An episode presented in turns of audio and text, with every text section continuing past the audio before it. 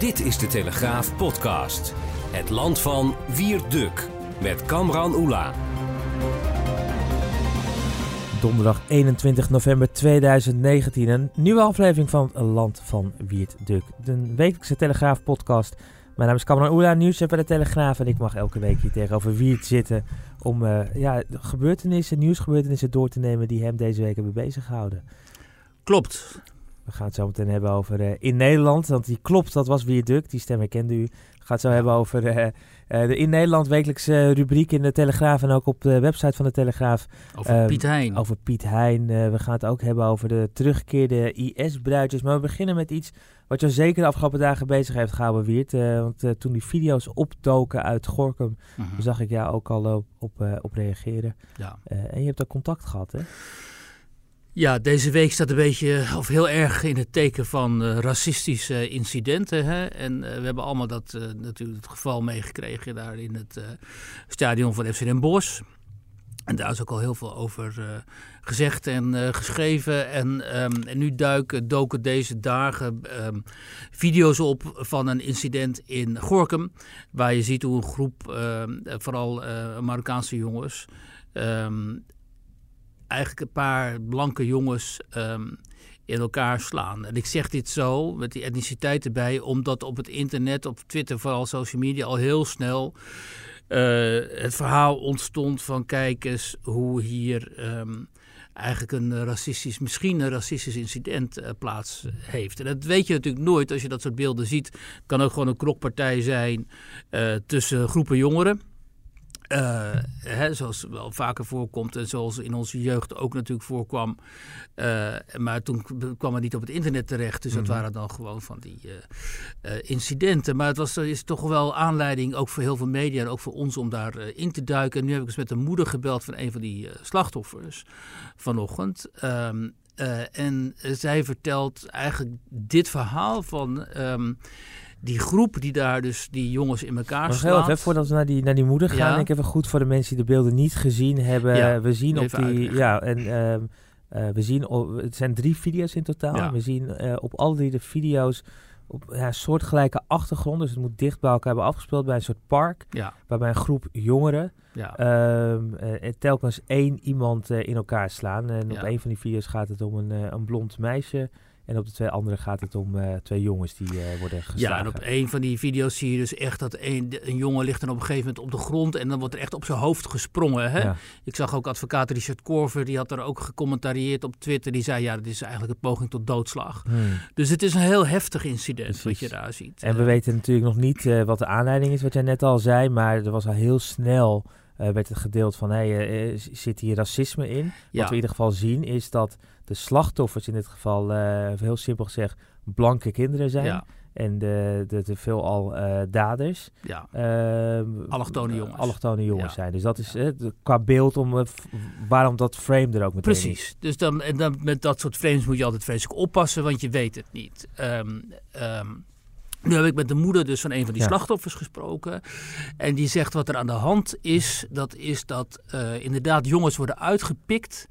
Um, en worden geïsoleerd, zeg maar. En dat ze dan uh, die groep, hè, die groep die dus die jongens in elkaar slaat, dan met een man of 40, zei zij.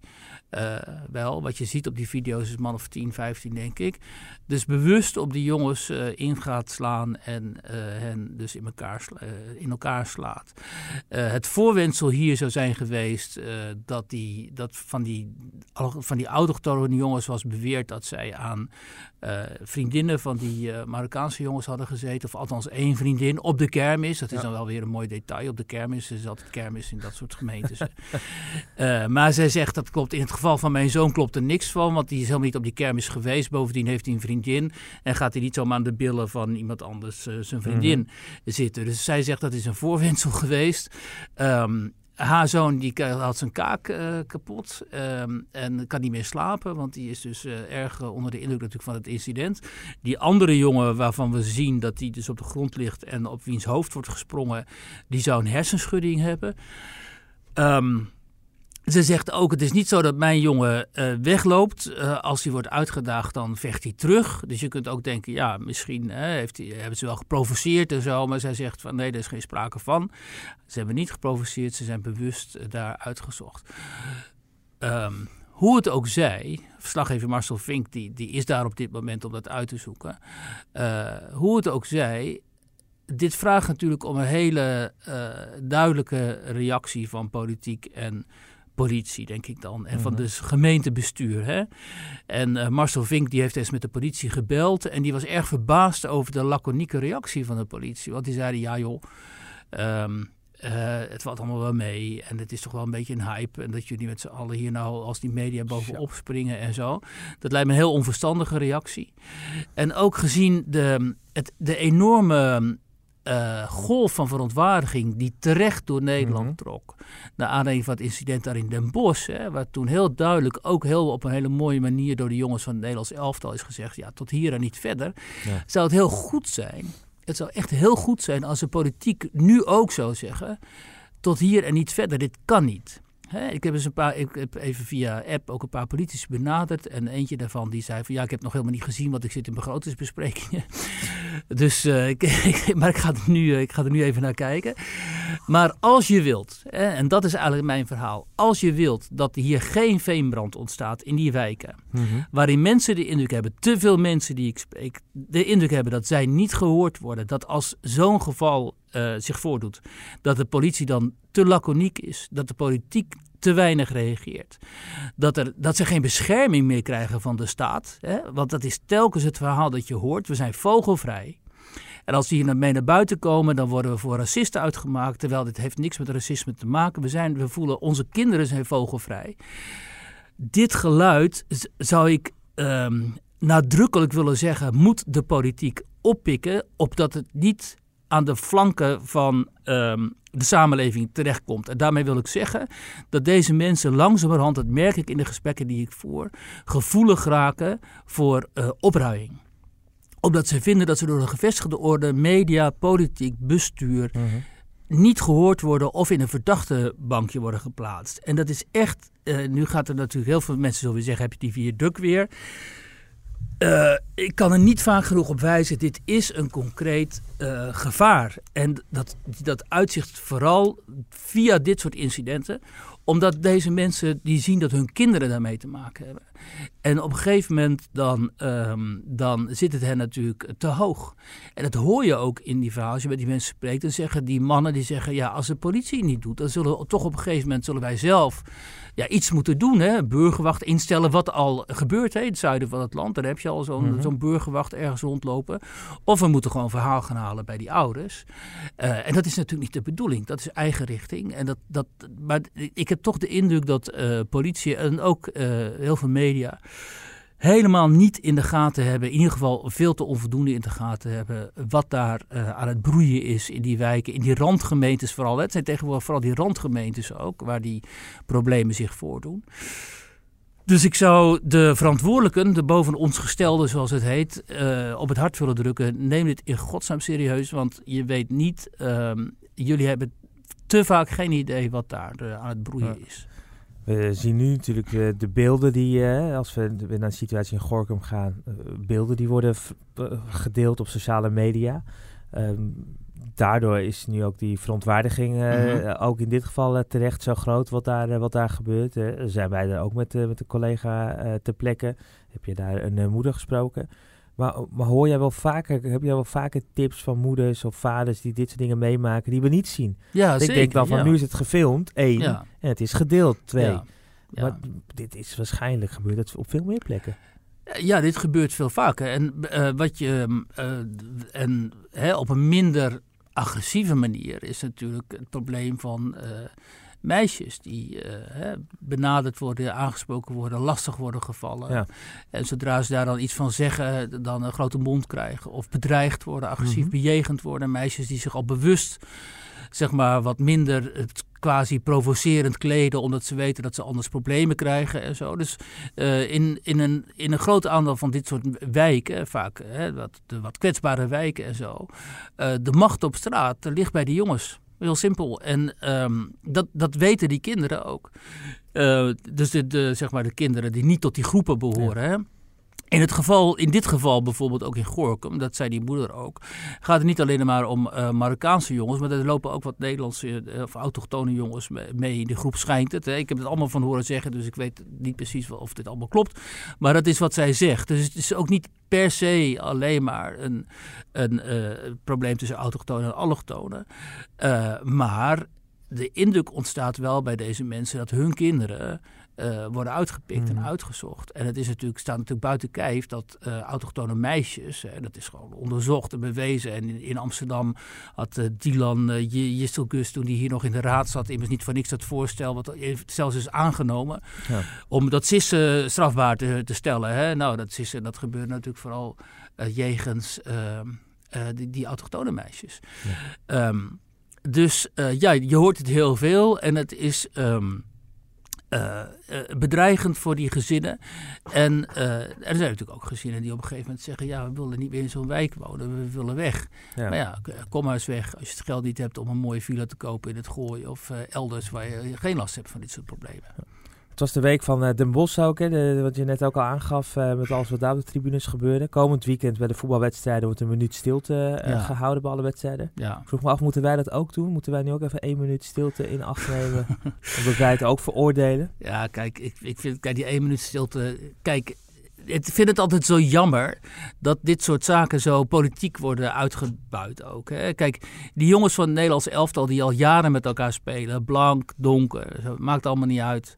Die hebben een heel mooi statement gemaakt. Hè, wat je zag met uh, Gini Wijnaldum en Frenkie de Jong. Ja. Uh, en die verontwaardiging van Gini Wijnaldum in die eerste uh, ja. persconferentie was ook volstrekt uit zijn hart en zo. Dus dan, dan denk je, dit moet het zijn. Precies. En laat het hierbij laat deze jongens aan het woord. Het is hun leven.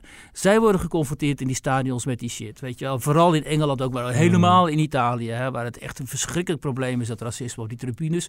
Zij weten waar ze over hebben. En waar die supportersgroepen ook gewoon uh, zeggen van... Eh, zelfs als de eigen, eigen spelers is, afvallen. Ja. Hè? Die Balotelli in, de, in Italië, die wordt door de eigen supporters uh, ja. aangevallen. Dus die jongens weten heel goed wat er speelt in die wereld. Waar ze mee te maken krijgen. Laat die aan het woord en laat het dan bij het statement. En nu moet er nog een één minuut stilte, weet je wel. Voor, voor, wie dan precies? En ja. uh, je, kunt het ook, je moet het ook niet zo overdrijven, want daarmee geef je weer ook zoveel voeding aan dat soort racisten.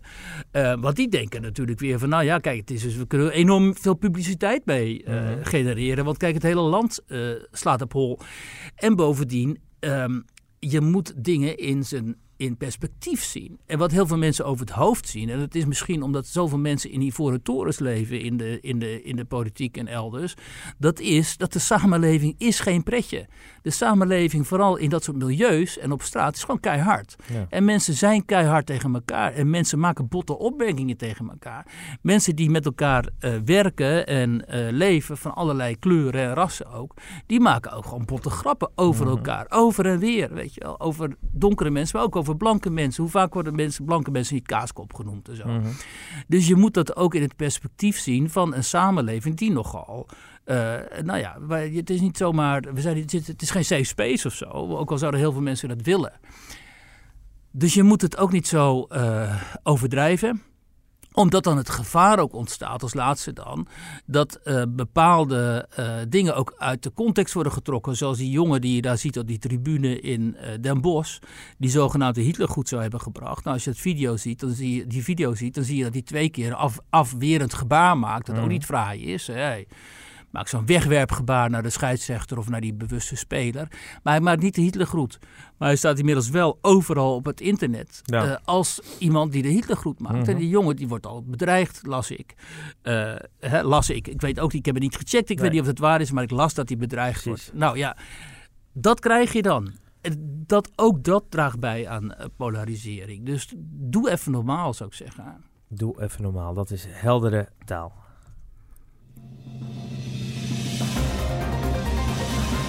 Zou haast zeggen, de dag die we wisten dat zou komen. Ja. Uh, dinsdagavond uh, kwam dat uh, bericht op Schiphol. landen Xaviera S. en Fatima H. Twee ja. IS-jihad-bruiden Die, eh, ja, de, de nieuwe Turkije-route zou ik het haast eh, eh, willen noemen. Want via Turkije. De luxe zijn ze- Turkije-route De is- luxe Turkije-route. Eh, vanuit Turkije zijn ze, hebben ze een enkeltje eh, Amsterdam gekregen en Ja. zijn hier eh, aangekomen. Ja, nou ja, dit- precies dus wat we vrezen. Hè? En wat ik dan zo schijnend vind, dat is dan dat ik van eh, zeg maar de meest uitgesproken eh, VVD-Kamerlid eh Dylan Jisselgus dan de tweet zie over dit mogen we niet accepteren, dit kan niet, dit is niet de bedoeling, dit willen we niet en zo. En dan denk je, je zit wel in de regering, Ja. je zit in die coalitie en het gebeurt gewoon.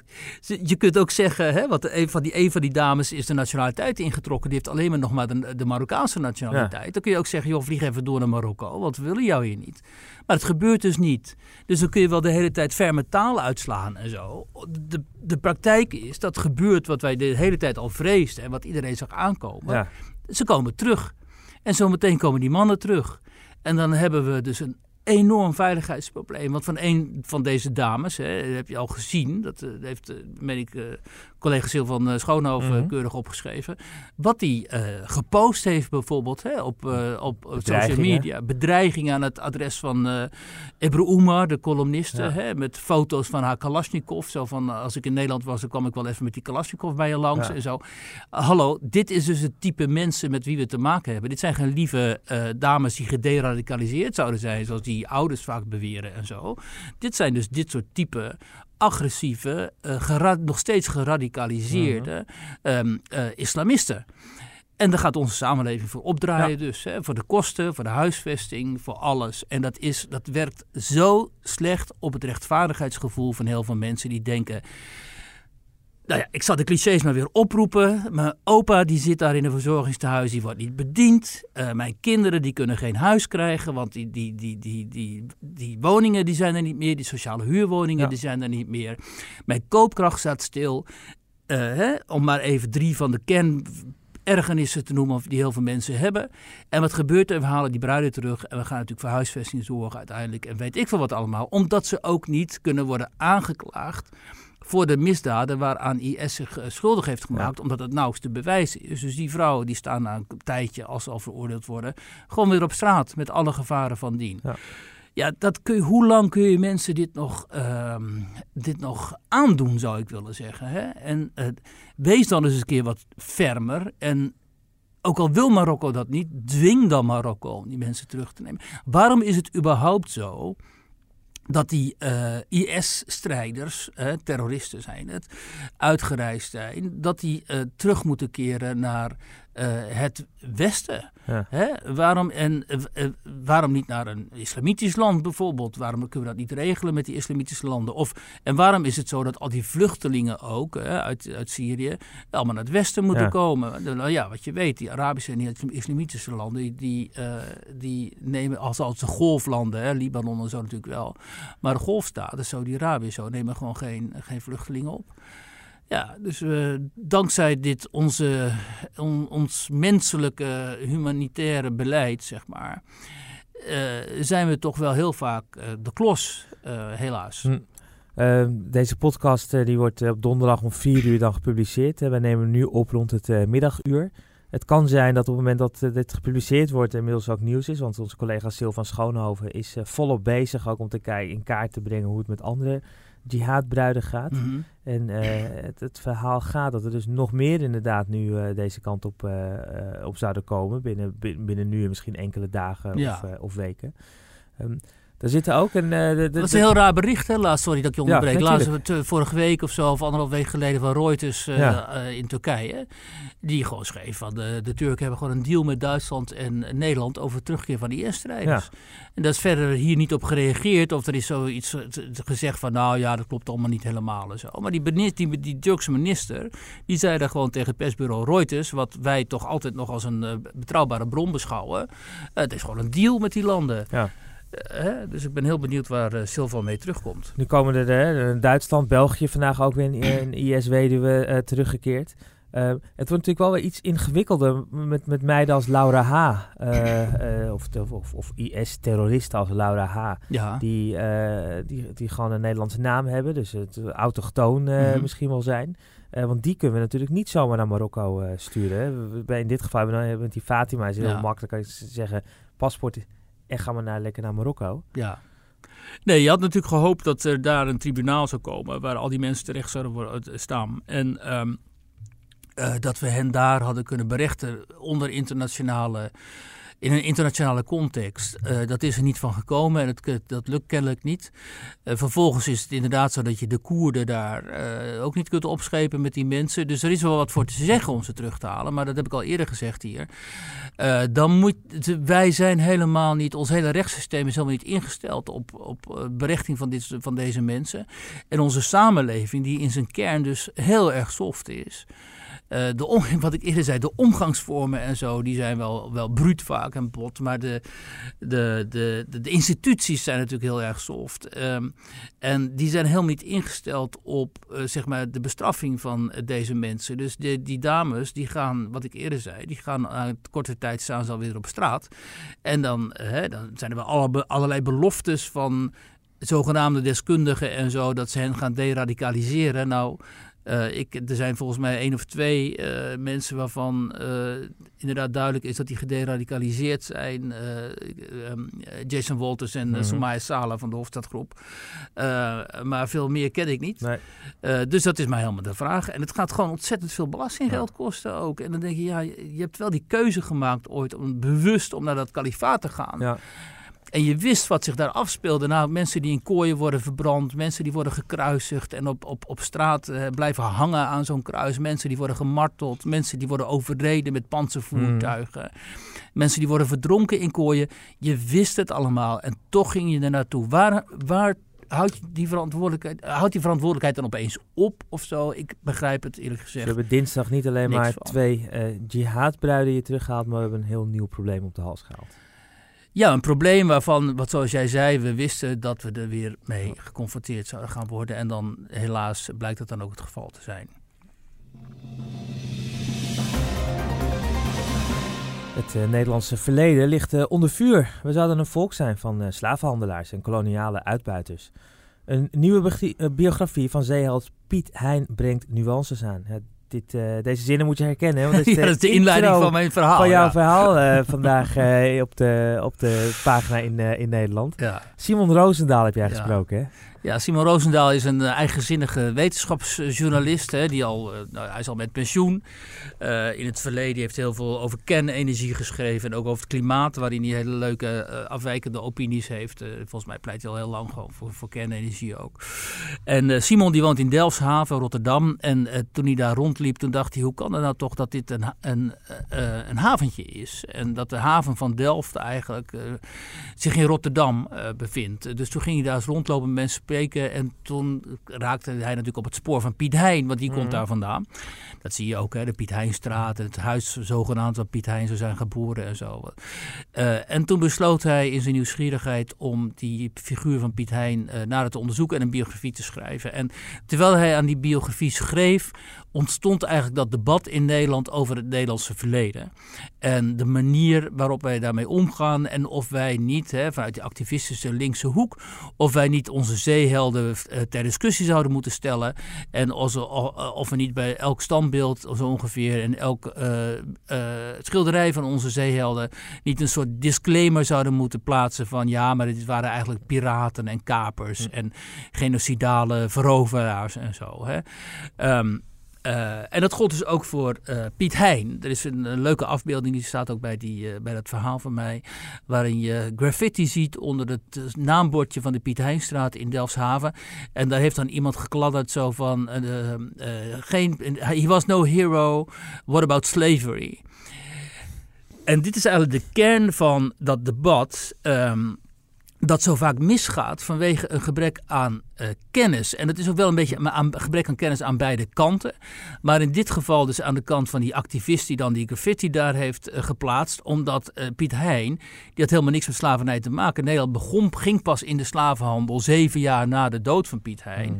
En Piet Hein zelf, die heeft ooit, toen hij een Portugees slavenschip veroverde, zat hij daar enorm mee in zijn maag. Omdat hij van de West-Indische Compagnie, waar, waar, hij voor werkte, ehm, uh, te kreeg, ja, maar wij protestanten uh, doen niet aan slavernij, aan slavenhandel. Dat is een katholiek dingetje. Protestanten doen dat niet, dus ja, je moet een oplossing daarvoor zien te vinden. En toen heeft hij die slaven uiteindelijk op een eiland vrijgelaten. En dat is voor wat Simon Roosendaal ook schrijft, voor iemand uit de 17e eeuw. Een, een, een, een, een, een soldaat en een, koopman, dat hij was alles in één natuurlijk.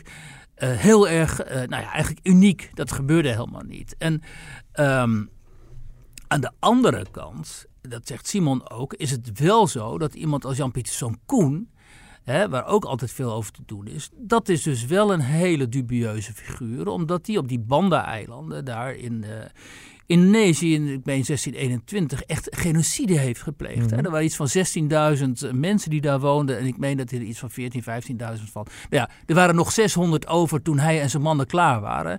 En je had speciaal uh, Japanse samurai laten overkomen om daar de dorpsoudsten te onthoofden. Nou, dan ben je dus echt wel van het niveau, laten we zeggen, Hitler. Dus dan ben je echt wel gestoord. En um, over die Koen, daar moeten we dus gewoon duidelijk over zijn. Dat was een schoft. En bij standbeelden en uit, andere afbeeldingen van uh, Koen mag je dat dus, dus ook wel bij zeggen van joh, uh, hij was een, hè, een, belangrijke historische figuur, maar let wel, uh, hij is wel schuldig, heeft zich schuldig gemaakt aan genocide. Op die manier moet het debat natuurlijk worden gevoerd ja. en moeten de nuances worden aangebracht. Maar ja. vanuit die links-activistische kant van die mensen die die straatnamen willen weg hebben en die beelden willen weg hebben en die eigenlijk die hele geschiedenis willen herschrijven en zo. Um, gebeurt dat niet. En uh, nu weet ik toevallig, omdat ik me de laatste tijd daar nogal in verdiept, waar dat zijn wortels heeft. En dat heeft dus echt, die, die hele mentaliteit heeft zijn wortels in de geesteswetenschappen, in de, in de universiteiten. Wat je daar tegenkomt aan, aan teksten en literatuur over het koloniale verleden, over uh, vrouwenonderdrukking, over onderdrukking van genders. Hè, Die hele kwestie die telkens maar eens komen, die telkens speelt is komen overwijzen waar je uit de Verenigde Staten. Als je die teksten ziet die die studenten onder ogen krijgen, die ze moeten analyseren en leren, ja, dan, dan is echt ja, de haren reizen je te bergen. Want dan verlaat je volgens mij de universiteit met een enorm schuldgevoel over dat je en geprivilegeerd, dus wit geprivilegeerd bent. Uh, dus blank en rijk en uit het westen komt en jouw land heeft een koloniaal verleden en je bent heel erg slecht geweest ten opzichte ja. van vrouwen. Dus als je, daar wordt een soort haat gekweekt bijna, als ik dat zo interpreteer, die teksten, tegen blanke mannen van middelbare leeftijd die quasi de macht zouden hebben en zo. En die dus ook, hè, om terug te komen op dit verhaal, die dus ook de macht hebben in de instituties, in de musea, in hun ogen dan, en, en, en uh, in, in andere instituties die dit soort zeehelden en andere uh, figuren uit ons verleden uh, naar voren schuiven. Dit is, dit is dus echt een cultuuroorlog. En het is heel aardig dat iemand als Simon Roosendaal met zo'n boek dan over Piet Hein daar nuances in aanbrengt en ook laat zien hoe in die cultuuroorlog de feiten uh, vaak uh, verloren gaan en de ideologie de overhand krijgt. En dat is waar we waar ik ook vaker voor pleit, waar we enorm voor moeten waken, dat in dit uh, debat uh,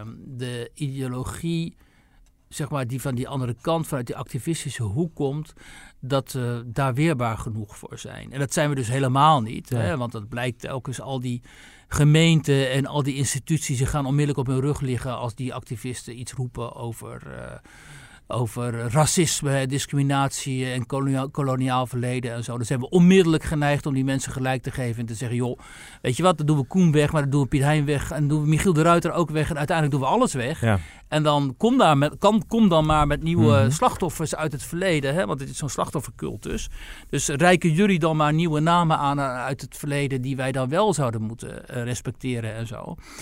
Ja, dat, is, dat zie je in de Verenigde Staten al gebeuren. En uh, ja, dat is een heilloze weg ja. om op die manier met het verleden om te gaan. En het is goed dat er dit soort boeken zijn uh, waarin zo'n Simon Roosendaal het op een hele nuchtere manier uh, aantoont dat je zo niet met het verleden moet omgaan. Nee, en eigenlijk ook weer dat, dat verleden iets verder ook meer ook ontleed. Hè? Dus ook gewoon iets probeert bloot te leggen wat we misschien al vergeten zijn of helemaal nooit hebben geweten. Dat is natuurlijk ook mooi. Nou ja, het is natuurlijk fantastisch om weer eens, hè, dat moet toch voor iedereen fascinerend zijn, om weer eens te lezen hoe die republiek destijds, hoe de Nederlanden destijds in die 16e eeuw vanuit het niks eigenlijk binnen 50, 60 jaar een uh, maritieme en militaire grootmacht is geworden. En uh, wat hier aan de orde was, hè, dat mensen vanuit heel Europa naar Nederland kwamen om te kijken van, joh, hoe doen die Nederlanders dat? Nou ja, die mensen daar in die no noordelijke Nederlanden dat.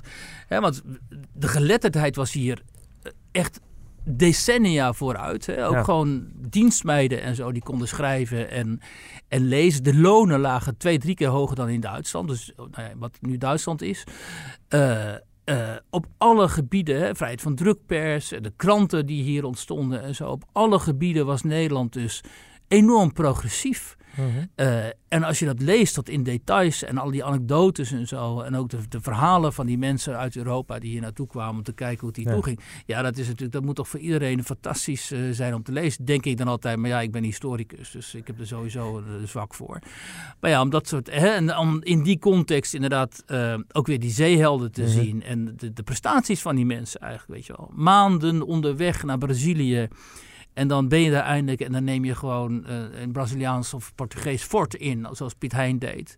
En uh, hij kwam als tweede, kwam hij daar, uh, als tweede kwam hij daar bij dat fort aan. En de, de, degene die voor hem liep, die werd onmiddellijk doodgeschoten, maar Piet Hein dus niet. En dus al die mannen die zagen wat, wat, hoe moedig hij was. Ja. Nou ja, dat zijn toch fantastische verhalen, vind ik. We zijn er weer doorheen, Wiert. Uh, we hebben de drie onderwerpen die we voor ogen hadden weer uh, uitgebreid nou, doorgenomen. Ik heb reclame gemaakt voor Simons boek nu. Nou, ook nog eens. Ja, uh, ja dat was helemaal niet de bedoeling. Maar goed, maar terecht. Is, ja, precies. en uitgebreid overigens dat verhaal dus vandaag in de krant. Maar dat heb ik al een paar keer gezegd. En ook op onze website te, te, lezen. Um, nog tips, dingen die we nog moeten delen met de luisteraars die het einde van de podcast weer gehaald hebben? Nou ja, de tips die ik had, die, uh, die, uh, hè, die heb ik, daar hebben we over gesproken. Precies. Over? Als ja. je nog een leuk boek wil hebben voor het weekend, dan moet je even het boek over Piet Heijns en zijn daden binnen klein uh, ja. aanschaffen. Of Ga zelf eens kijken daar in Delfshaven in Rotterdam. Wat ja. ontzettend leuk is. Want dat zie je dus nog. Hè, ook ondanks dat er natuurlijk heel veel verwoest is. Je ziet toch het oude haventje. En eigenlijk ook wel een beetje die oude kroegen en herbergen en zo. Die, dat sfeertje, dat is er nog wel. Hoewel je dan opeens in die Schiedamse weg komt. Ja. En dan rij je helemaal massief diep de multiculturele samenleving in. Maar dat Delfshaven is een heel klein soort enclavetje. Waar je nog wel een beetje die oude sfeer kunt proeven. Viaduct, dus nu ook voor al uw dagjes uit. Ja, voor al uw toeristische tips. um, ja, en, en, lees ook vooral onze nieuwe columnisten. Hè? Want we hebben natuurlijk deze ja. week al uh, Afshin uh, Elian uh, gehad met een mooie column. Kitty Herwij en Frits Hoefnagel. En vandaag, ja, het, is, uh, het, het, is een, uh, gaat over zwarte pieten, alleen donkerblauwe pieten, groene pieten. Nou, we hebben ook een kolonist die uit een iets ander nest komt namelijk uh, Eddie Testal. Oh ja. Dus ook een aanrader ook om deze column als uh, Telegraaf-abonnee... Uh, Onze te, linkse excuuscolumnist. Te, te, te, lezen. Ach, nou, zo zou ik Eddie niet, niet, willen, niet willen noemen. nee, ik ook niet. Dat is een grapje. En een beetje off-topic, maar ehm, alhoewel, patriotisme is ook wel een thema wat terugkomt. het boek over van onze collega's, Missie F-16 van ja. Ehm, Olaf van Jolen en Sil van Schoonhoven heb ik afgelopen week mogen lezen. En ja, het is wel gaaf om... de interviews met de F-16-piloten. Ja, het is gaaf hoe dat hoe dat allemaal gaat. En, ja. uh, ook, maar ook wel schrijnend om weer dat, dit verhaal te lezen. Ook met name Joegoslavië. Hoe, wat voor bende het daar was ja. uh, in, in, in, in, die strijd tussen de VN en de NAVO. En hoe eigenlijk dan die piloten daar een beetje tussen zitten. Ja. Uh, en echt een aanrader. Ja. Heel goed. Tot zover dan maar. Dank voor het luisteren. Tot volgende week. Tot volgende week.